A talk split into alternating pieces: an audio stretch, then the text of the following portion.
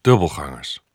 In het boek Gratis geld voor iedereen schrijft Rutger Bregman dat in de jaren 50 12% van de jongeren instemde met de stelling: Ik ben een heel bijzonder mens. Nu is dat 80%. Men lijkt zich steeds meer individu te voelen, maar dat neemt de mogelijkheid onverhoopt een dubbelganger te treffen niet weg. Afgelopen week was ik met een vriend op een boekpresentatie in Amsterdam. Liep een meisje rond dat qua uiterlijk en doen en laten sprekend op een bekende van ons leek. We sloegen haar gade en verbaasden ons hardop.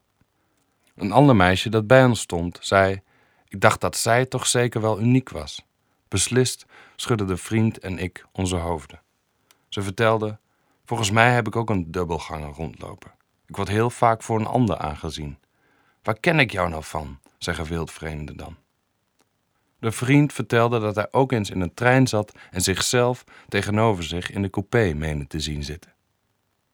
En die ander zag dat ook.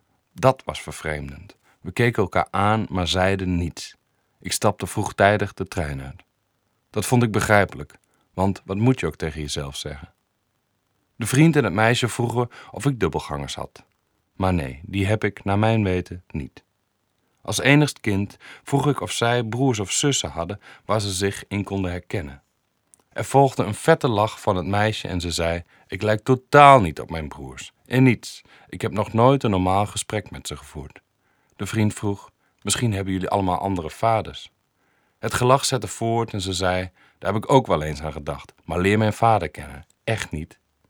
Volgens mij kon er beter bij de moeder te raden worden gegaan om dit vraagstuk te onderzoeken en niet bij de vader.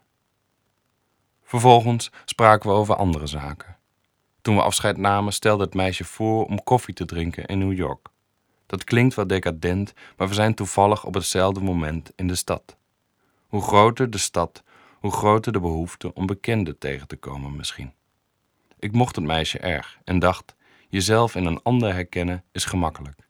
De enige echte vreemde in je leven ben je waarschijnlijk uiteindelijk gewoon zelf.